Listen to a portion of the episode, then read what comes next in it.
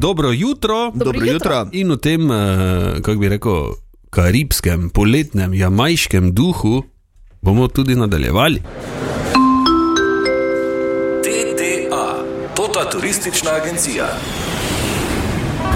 Edina agencija, kjer pridne sodelavce pošiljamo na dopust. Ja, ali pa nasploh sodelavce, ne? To bi lahko zdaj bila debata. Zakaj? Ja, če rekel pridne sodelavce, ja pa ona, kaj si ti na dopustu? Jaz sem bil, ha, vidiš. Čudno. Kaj? Ne vem, zakaj jaz še nisem bil. Je, ker nisi pridn, ne? Jaz še A ni logično. Ja, Nisem saj. pogledala. Ja. Luči, luči okay. dopusta. Andrejan, tako imenovani, Ja. Dejan in Andrej, sta na dopustu in uh, Andrej se oglaša.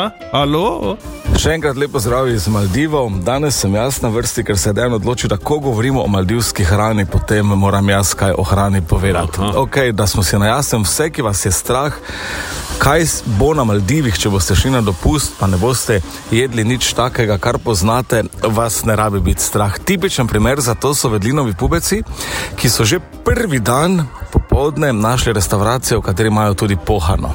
Tako da brez skrbi, tudi če ste navajeni na pohano, boste na svoj račun tukaj prišli. Predvsem pa tisti, ki imate radi recimo sveže sadje, tukaj na otoku um, raste veliko, veliko sadežev, od lubenic do papaje, marakuje, kokosi so sveži, tako da res ni težav s svežim sadjem. Uh, in pa morska hrana, raki, ribe, včeraj so nam jih tudi zgrilali, uh, tako da je res, res dosti morske hrane. Tisti, ki imate radi tajsko, kitajsko, indijsko, pa tudi pridete na svoj račun, ker restavracij je vseh vrst enako kot pri nas, od tistih z morsko hrano do kitajskih in seveda še ta tretjih s pohanim, ki so tudi izjemno priljubljene, sploh pri naših domačih turistih, bom rekel. To je to, eh, brez skrbi, torej, da bi kateri od naju shujšal kak kilogram. Eh, Je pa res, da eh, razen pohanega je vsa ostala hrana zelo eh, sveža in pa naravna. Tako da mogoče bo vseeno koža malo lepša, no ko prijema nazaj. To je to, glede hrane, mi smo zajtrk danes že pojedli, zdaj pa nas čaka še en zanimiv izlet, na katerem se bomo kopali z morskimi psi in uh, mantami.